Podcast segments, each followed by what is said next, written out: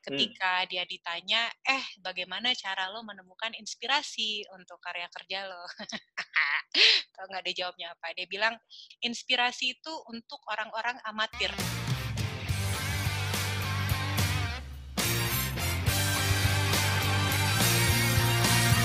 Hai teman-teman, welcome to Follow Your Flow. Pendekatan anti mainstream untuk hidup yang lebih kece. Di sini kita akan kemas diskusi dengan konten yang science-based, practical, dan fun. Yuk, let's get started. Oh, I think. dulu lah. Hai, baik kak. Aduh. gue gue recently kan sering nih, eh, apa ya, kan sekarang lagi WFH ya. Terus gue Hmm. tuh sering banget ditanya antara sama teman kantor atau sama temen temen aja gitu kan. Terus kayak ditanya, how are you gitu loh. Gue selalu bilang bahwa secara pekerjaan doing well lah. Kayak semua bisa termanage dengan work from home. Tapi yang gue kadang-kadang suka ngerasa ini adalah gue suka ngerasa kurang termotivasi sih mbak. Jadi itu kayak konteksnya adalah biasanya tuh gue karena kalau biasanya lagi nggak ada karantina karantina gini, gue tipe orang yang suka outdoor gitu. Ya misalnya antara jalan-jalan atau traveling gitu kan. Tapi sekarang nggak bisa gitu loh. Dan gue lagi benar-benar mencari sumber inspirasi dan motivasi gitu loh.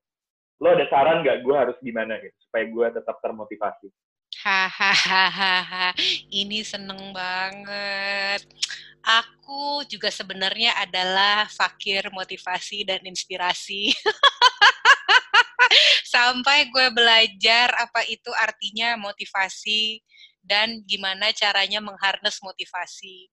Dan yang Hmm. paling bikin gue jelep jelep jelep jelep jelep jelep gitu ya. Jadi ada sebuah sebuah seniman terkenal di dunia namanya Chuck Close gitu kan. Hmm. Ya itu hidupnya tuh melarat banget deh, mohon maaf gue pakai kata-kata itu ya, tapi hampir kayak Hmm. hidupnya tuh nggak ada indah-indahnya.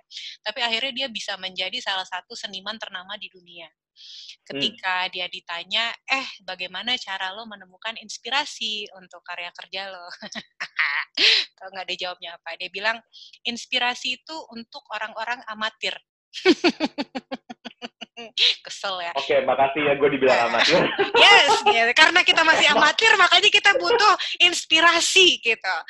Ternyata orang-orang yang emang udah jago banget gitu kan ya, bilang dia bilangnya they just show up and get to work gitu. Lo dateng aja dan lo bekerja gitu kan. Um, Ya gitu, karena dia bilang all the best ideas, semua ide-ide baik itu datangnya dari proses.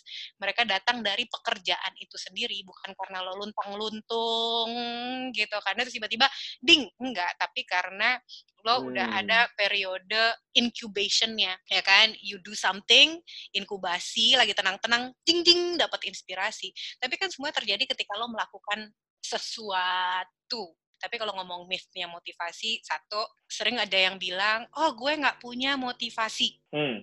Hmm, tapi menurut gue motivasi itu bukan punya atau nggak punya, hilang atau datang. Tapi Hmm. sejauh mana lo bisa memupuk, cek kita gue kita punya kata-kata memupuk, udah tahu harness, Ya, lagi harus lagi ya. harness lagi, bisa nggak memupuk motivasi itu sendiri gitu kan? Yo, Terus, Yang kedua belajar dari Close itu motivasi itu nggak datang gitu aja, motivasi itu datangnya dari momentum gitu Hmm. kan? Karena kata-katanya motivasi itu kan kata-kata dari bahasa Greek ya, Greek no Latin, Latin itu motif, right? Motif Hmm. itu kan artinya moving, moving itu apa? Be, be, be- bergerak. bergerak, yes. Jadi kalau lo nggak bergerak, lo nggak akan dapat motivasi. Kece kan? Hmm. Kece kan? Kayak lo lo mesti bergerak dulu untuk mendapatkan eh, Hmm. motivasi gitu. menarik, Eh, menarik. Yes, itu bagi gue menarik banget. Nah, tiga, tinggal ngelihat semua riset-riset tentang motivasi itu mengatakan apa sih, gitu kan. Yang kita udah denger bertahun-tahun sampai sekarang, risetnya mengatakan kalau lo pengen motivasinya tuh sustainable, jangan dengerin yang extrinsic motivasi yang dari luar, tapi motivasi dari dalam, ya kan Hmm. motivasi dari luar tuh ketika apa namanya gue pengen dapetin title gue pengen dapetin uang gue pengen dapetin dapat dapat dapat dapat dapat dapat itu semua yang namanya external motivation acknowledgement Hmm. kayak misalnya aku tidak merasa diapresiasi sama atasan gue aku merasa gajiku tidak cukup kayak gitu gitu kan eksternal right? Gitu. Hmm. Nggak ada yang salah tentang external motivation, hanya not sustainable, I see. gitu.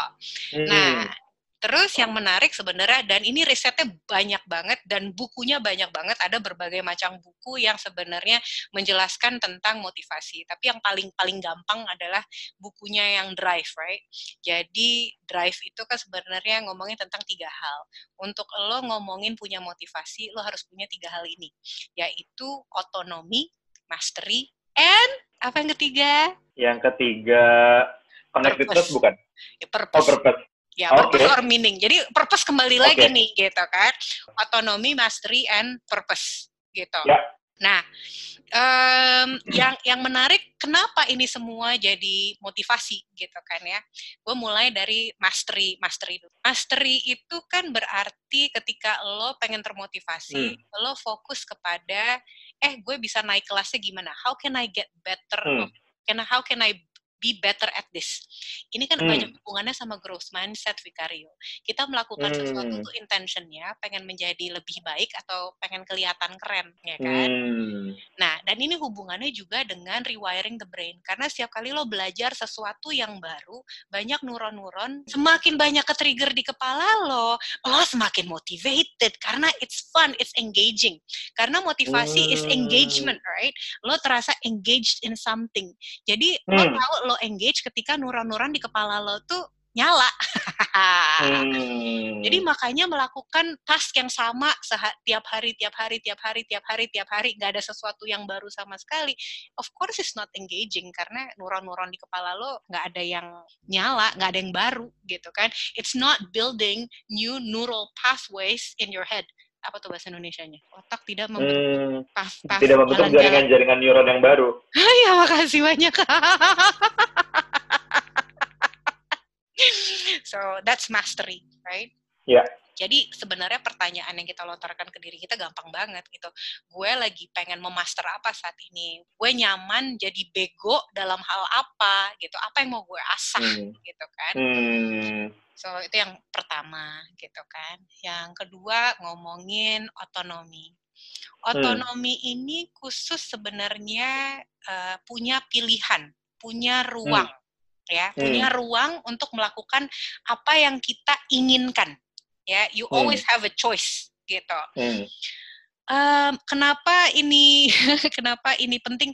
Ya namanya juga manusia kan. Kita semua punya Hmm. desire gitu. Hmm. Jadi kalau desire ini tidak dipenuhi, kita nggak punya choice, akhirnya kita ngikutin path orang lain, yang akhirnya Hmm. we cannot live our most authentic self, ya akhirnya tidak engaging juga, gitu kan. Hmm. Em, ini makanya banyak yang orang bilang follow your passion, gitu kan. Terus bilang sebenarnya it's practicing autonomy, gitu kan. Hmm. Oke, Hmm. kalau kalau gue punya pilihan di sini, gue memilih apa ya, A atau B, gitu. Hmm. Dan gue realize ketika ngomongin otonomi, itu bukan choice dalam pekerjaan juga, tapi dalam even berpikir dan memilih pikiran apa yang pengen kita pikirkan. Jadi kalau misalnya gue punya Hmm. pikiran, aduh gue bodoh banget ya, tunggu dulu, gue punya pi gue punya pilihan, gue punya pilihan untuk berpikir berbeda. Right? Hmm. Jadi powernya ada di situ. Ketika lo selalu bilang, aduh gue bodoh banget, gue nggak oke oke, gue ya of course lo akan nggak akan termotivasi gitu kan. karena Hmm. you choose, you choose karena you, it's a choice. You choose to focus on your weakness, bukan Ya. you choose to focus on your strength gitu. Menarik, menarik. Yang yang gue tangkap dari lo ya, kan tadi lo udah jelasin dua nih tentang Ya. mastery dan otonomi ya. Menurut gue tuh kayak yang mastery itu tuh menarik banget ya, karena kan kayak um, lo bilang bahwa pertanyaan yang perlu dijawab adalah apa yang perlu, apa yang lagi mau kita master gitu. Ya. Salah satu mentor gue di kantor tuh pernah menceritakan ada bedanya antara learning dan studying gitu. Ya. Jadi kayak kadang-kadang kan kayak, aduh, gue pengen lebih jago nih di sesuatu, gue mau belajar gitu. Cuma bahkan belajar aja kalau di bahasa Inggrisin bisa learning, bisa studying gitu kan. Betul. Ini for the purpose for the purpose of this conversation, gue akan mendefine studying tuh kayak baca buku, kayak cara kita belajar di sekolah kayak selama 20 tahun kita bersekolah gitu. Sedangkan sebenarnya learning itu nggak terbatas dengan kayak membaca sebuah bahan gitu. Dan bahkan ketika ada orang bilang, oh iya gue learning ini gitu loh. Kadang-kadang tuh sebenarnya caranya justru bukan yang kayak dikasih tahu bahwa ini jalannya, tapi dengan melakukan sesuatu dan salah dan kita tahu sebenarnya next time kita harus berbuat apa gitu loh. Makanya kadang-kadang sebenarnya definisi mastery ini nggak necessarily bahwa akan selalu ada yang nge-spoon feed kita sepanjang perjalanan, tapi sebenarnya ada avenue buat kita untuk mempertajam sebuah skill, biarpun kadang-kadang rasanya nggak enak gitu loh. Yes. Dan kadang-kadang motivation ini ngekat kita di momen yang nggak enak ini dan ngerasa kayak lah dulu kayak gue belajar nggak ada nih perasaan kayak gini gitu. Padahal sebenarnya itu lumrah banget kan kalau kita belajar kayak gitu gitu. Karena kan definisi learning bagi otak tuh building new neural pathways kan, ada pathway-pathway baru itu tadi, ya kan? Hmm. Dan itu melakukan hal yang baru. Nah kalau gue cuman baca sesuatu, membaca hmm. doang nih ya, membaca doang, hmm. tapi gue nggak mengkoneksikan bacaan itu dengan buku yang sebelumnya gue baca misalnya, gitu. Hmm. Sebenarnya kita belum learning, kita masih studying karena baru ah. absorbing information gitu kan. Tapi begitu kita bisa mengkonek satu ide dengan ide yang lain, itu baru mulai learning. Oh, ternyata ini begini ya. Gitu. Itu kan kadang-kadang lo dapet aha momen itu kan. That's learning. Ya, gitu, kan? ya, ya, ya, ya, ya, ya. Benar, benar, benar, benar. Dan itu menjelaskan banget bahwa sebenarnya kita bisa belajar hal yang completely unrelated dengan field yang berbeda dan bisa tetap diterapin gitu loh. Uh, salah satu contoh yang gue dapat adalah gue tuh baca bukunya uh, yang judulnya Lean Startup gitu. Ya. Startup kan sebenarnya ngajarin tentang cara kita bikin produk gitu kan. Ya. Dia itu ngejelasin konsep yang namanya bikin MVP. Kita ya. build, measure, dan learn gitu. Hmm. Kita build something, terus kita ukur apakah hasilnya positif atau negatif, dan kita learn apakah kita mau duit lagi atau kita mau pivot gitu kan. Ya. Tapi ketika gue baca buku itu, itu tuh justru jadi inspirasi gue untuk karir planning gitu. Ketika gue nggak tahu nih, gue let's mau jadi apa lima tahun lagi, gue akan mencoba membuild karir di sebuah bidang, terus gue akan measure nih dengan metrik-metrik yang gue ukur. Let's say misalnya gue lebih happy apa enggak, skill gue bertambah apa enggak, kayak apakah ini kayak bisa mencukupi kebutuhan hidup gue gitu loh. Dan ketika gue learn, gue decide, gue pengen memperdalam di bidang ini atau gue pengen mencoba bidang lain gitu loh. Dan itu salah satu tadi nangkep ke, ke contoh lo adalah sebenarnya itu gak related banget kan kita ngebahas produk mm -hmm. tapi ini kita ngomongin karir nih gitu loh. Mm -hmm. Mm -hmm. Uh, makanya interdisciplinary studies kan semakin menarik ya sekarang karena hmm. sebenarnya nggak ada perbatasan antara satu bidang mata kuliah dengan yang lain gitu semua pasti ada benang merahnya dan bisa diaplikasikan satu dengan yang lain gitu kece aja mm -hmm. mantap Jadi, mantap mantap itu kece Um, terus yang ketiga purpose, meaning, hmm. ya kan? Hmm. Satu ya kita udah pernah ngebahas tentang purpose dan meaning, ya kan? Tapi hmm. sebenarnya bagaimana apa yang lo lakukan itu bisa hmm. bermanfaat buat orang lain. Jadi bukan hmm. cuma untuk diri lo sendiri. Karena ini ada riset yang menarik tentang kindness. Oke. Okay? Hmm. Jadi buat orang-orang yang merasa lonely, sendirian, anxious, depressed gitu kan. Kalau mereka nggak hmm. tahu mesti ngapain lagi, bilang ya udah lo berbuat kebaikan aja. Berbuatlah hmm. kebaikan. Dan menariknya hmm. dengan hanya berbuat kebaikan saja, terus mereka bisa menjadi less alone, less anxious, less depressed hmm. gitu. Dan itu akhirnya memberikan motivasi. Karena kan kalau lo depressed kan sudah lo tidak merasakan emosi apa pun. Kalaupun lo merasakan emosi kan emosi yang aduh gue nggak bisa ngapa-ngapain nih, gue nggak mau ngapa-ngapain hmm. gitu kan. Hmm. Gue inget kok di hari-hari di mana I feel depressed, di mana gue mau keluar dari tempat tidur. Kayak gue pernah cerita ke lo deh. Kayak gue keluar dari tempat tidur aja tuh kayak gue gue nggak punya motivasi untuk keluar dari tempat tidur. Gue beneran nggak punya motivasi. Tapi apa yang akhirnya membuat gue keluar dari motivasi? Kan gue janjian sama orang lain. Kayak demi mereka ya deh gue keluar dari tempat tidur itu. Gue nggak mau. gitu kan kayak oh oke okay, demi orang lain gitu. Dan yeah. itu itu ngebantu banget gitu kan. Dan buku yang berbeda akan mengatakannya dengan mungkin kata-kata yang berbeda tapi ujungnya tiga tiga itu aja. Nah satu lagi nih tapi kan tadi kata kuncinya adalah memupuk. Untuk hmm. lo sekedar tahu itu kan nggak cukup. Bagaimana hmm memupuknya gitu kan. Benar, benar. Memupuknya kayak lo bilang tadi, ini makanya kalau di pekerjaan-pekerjaan we have daily stand up. ya kan? Jadi ini lebih hmm. your daily stand up dengan diri lo sendiri itu seperti apa untuk lo ngelihat oke okay, dari kemarin hari ini apa yang gue pelajari apa yang gue pelajari hari ini kan oh oke okay, what is the choices that I'm making today? Bagaimana choices ini mendekatkan gue kepada uh, goal yang pengen gue capai gitu kan. Hmm. karena apa namanya that purpose that goal juga harus ada di situ. Ya kan kayak ngomongin purpose meaning ada dua hal tadi kan what-nya apa why-nya apa. Jadi what is it that I can do today yang mendekatkan gue ke sana? Jadi this daily stand up sebenarnya yang jauh jauh jauh jauh jauh lebih powerful dibandingin kayak sekedar tahu aja gitu Hmm. daily Ya, stand up ya, apa ya, ya, ya, ya. ngejelasinnya daily stand up Daily stand up mungkin gue jelasinnya adalah biasanya di um, ada meeting Hmm. gitu setiap hari tujuan biasanya di meeting itu sebentar aja tapi kayak briefing. tujuannya adalah yes briefing ya benar ya ya, kayak ya, ya, kayak briefing. briefing ya briefing harian terus Briefing harian. tujuannya adalah kita sharing gitu kayak hari ini kita ngapain kemarin kita ngapain kita butuh bantuan apa dari teman-teman kita gitu. Benar. Dan sering kali kita nggak berhenti untuk punya briefing dengan diri sendiri kan kayak bangun otomatis aja. Hmm. Ya kan? Bangun langsung buka handphone jawab jawabin email otomatis gitu. Nggak yang berhenti diem. Oke sebentar. Hmm, apa nih yang perlu gue briefingin dengan diri gue Hmm. sendiri? Gitu kan.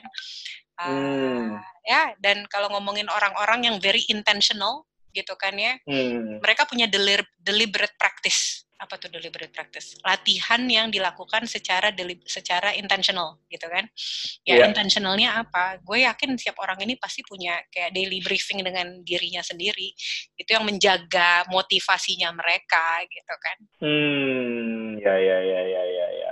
Bener banget sih kayak gue recently nyoba itu mbak. Jadi kayak uh, ada hari-hari di mana ini belum konsisten juga karena gue masih belajar. Pagi-pagi tuh gue intention setting gitu. Hmm. Intention setting tuh adalah kayak hari ini gue bakal ngapain aja Ya. dan kira-kira apa yang pengen gue lakuin gitu loh hari ini gitu. Dan bahkan mungkin nggak harus terlalu panjang, bisa jadi simpel banget. Misalnya hari ini gue pengen bantu orang sebisa gue. That's it. Oh, Yep. Gitu aja gitu loh. Tapi tadi itu menjawab ke tadi salah satu poin lo yang tentang motivasi kan tentang purpose gitu loh. ya Karena kita kan kayak pengen berprogres ya. Dan waktu itu gue pernah dengar sebuah podcast yang menarik banget ngebahas Hmm. tentang si purpose ini gitu. Jadi ada seorang karyawati dia itu tuh uh, kerja dan dia udah overwork banget. Nah terus ketika udah overwork biasa orang ngapain sih? Ya weekendnya tuh kan kayak ah ada tidur aja lah seharian gitu kayak gue capek gitu. Ya. Ternyata pas lagi weekend dia itu volunteering Ya. untuk ngajar gitu Mhm. loh.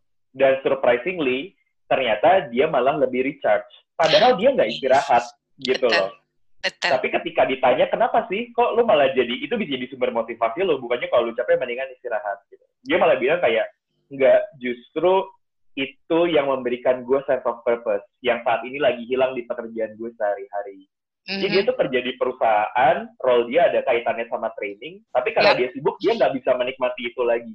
ya Dan ketika dia weekend bisa bener-bener ngajar langsung, dia tuh malah jadi satu dia ke recharge, yang kedua dia jadi makin termotivasi lagi karena dia diingatkan kembali kenapa dia cinta pekerjaan dia the very first place. Gitu. Yes, dan gak harus related dengan pekerjaan sebenarnya, karena rasa is rasa gitu. Hmm. Em, ya, tapi kalau misal bisa dikaitkan dengan, dengan kerjaan, itu akan jauh lebih powerful lagi gitu. So yes, benar, benar, benar. ada yang belum terjawab nggak? Itu menjawab semua sainsnya, sainsnya Hmm. motivation nggak ya? Nah, menjawab science and motivation, tapi mungkin belum menjawab sainsnya inspirasi secara keseluruhan. Karena, Gimana tuh, Mbak? Apa nih Eh, saya inspirasi nah, inspirasi itu kan pesannya wangsit ya. Jadi tergantung tergantung how you define inspirasi. Oke, Oke. inspirasi itu lo bisa sesuatu yang lo dapetin, terus itu memotivasi lo, atau Hmm. inspirasi itu lo dapet wangsit, ya kan tiba-tiba lo menemukan sesuatu eureka moment gitu. Nah, sebenarnya kalau yang tipe wangsit inspirasi wangsit ini, ini studinya flow, right? Mihaly, season Mihaly. Mihaly Csikszentmihalyi, yes, gitu. Bahwa kalau lo ngomongin peak performance when you're at flow and highest motivation, itu kan ada balance antara tantangan, tantangan dan Comfortable gak sih? Kayak skill gitu. Kayak lo Yes, harus balance benar. antara ini susah, yes. tapi lo bisa juga gitu. betul competence and challenge, right? Jadi competence-nya sama challenge-nya sama. Tapi yang menarik bu- menarik buat gue bukan di situnya, walaupun itu akan Hmm. memberikan motivasi lo lebih lama. Yang menarik adalah ada sebuah cerita. Jadi sempat ada orang datang ke gue, dia lagi bikin essay tulisan untuk kuliah S2-nya. ya kan harus nulis essay terus uh, dia punya mentor juga terus dia tulisan udah jadi terus dia pergi ke mentornya mentornya bilang ini tulisan nggak bagus sama sekali you should, you should you should redo it gitu kan terus hmm. dia datang ke gue bilangnya mbak gimana nih? Gue disuruh disuruh nulis ngulang dari awal how would I do it? Oke okay, lo percaya sama gue kan? Percaya. I'll tell you what to do. Satu untuk untuk tiga hari ke depan gitu kan ya jangan pikirin tulisan ini sama sekali. Jangan even apa namanya buka laptop lo. Pokoknya lo santai-santai hmm. hahaha hihi pokoknya terserah itu aja. Tapi sebelum lo lo melakukan itu di kepala lo gini how can I write the best essay ever what can I write about oke okay? jadi hmm. that's your intention taruh itu aja di di kepala lo terus tiga hari hmm. jangan pikirin lo main-main hahaha hihihihihi oke okay? setelah tiga hari lo duduk di komputer lo essay yang lo lama lo delete lo set waktu di timer lo tiga jam and you just start writing okay? just do that hmm. gitu kan hmm. percaya sama gue kan percaya oke okay. terus nanti gue bilang udah jangan khawatir lo percaya aja sama gue hmm. terus ya udah dia lakukan itu dan dia menuliskan esainya dikasih ke mentornya terus mentornya bilang wow ini lebih bagus dari my own expectation gitu kan oh. Nah, tapi ini juga wangsit-wangsit yang dialami orang-orang seperti Einstein, seperti Newton, gitu kan. Karena apa? Ketika lo punya masalah, mungkin lo, oh ini masalah gue. Terus lo ngulik, terus cocok lo riset apa segala macam ya ya ya ya ya ya ya gitu kan. Terus biasanya lo mentok, ya kan? Kok nggak tahu nih mesti ngapain lagi. Kenapa butuh masa inkubasi? Lo nggak melakukan apa pun. Full rested period itu supaya semuanya diproses sama your subconscious Tadinya kan cuma diproses hmm. sama conscious brain, sekarang diproses sama subconscious hmm. brain. Subconscious brain kan informasinya banyak banget kan gitu. Jadi begitu diproses sama subconscious brain, begitu lo relax, tiba-tiba ting, tiba-tiba dapat inspirasi. Padahal hmm. tuh sebenarnya semua informasi yang masuk ke conscious brain baru mulai diproses sama subconscious brain gitu. Jadi bagi gue inspirasi hmm. kerennya seperti itu makanya kita butuh kalau lo bilang gabut ya kan aku baru belajar istilah gabut gitu aduh benar benar benar benar benar karena namanya motivation sama inspirasi motivation itu kan lo nggak bisa pakai gas pedal terus terusan kan lo injek and then break. Nah, breaknya juga harus sangat intentional karena kalau lo nggak ada intentional that calm period, lo nggak akan hmm. dapetin inspirasi-inspirasi ini. Ya, ya, ya, ya eh bener banget sih mbak itu gue nyobain recently gitu hmm. beberapa bulan terakhir lagi sebelum zaman WFH gue kalau misalnya lagi ngerjain sesuatu nih di kantor terus gue pusing banget ya itu gue 15 menit gue tutup laptop terus gue jalan-jalan ke kantor jangan jangan sambil main HP kalau sambil main HP itu kan attention kita jadi ke handphone kan jadi kayak ya. jalan aja gitu ntar bisa tiba-tiba kayak antara balik lagi terus jadi kepikiran sesuatu karena jadi lebih jernih atau yang kedua di tengah jalan ngobrol sama orang dan ternyata dapet jawabannya gitu. Mm -hmm. Iya, gitu kayak kan. gitu. Ya, jadi itu sekilas tentang motivasi dan inspirasi ya.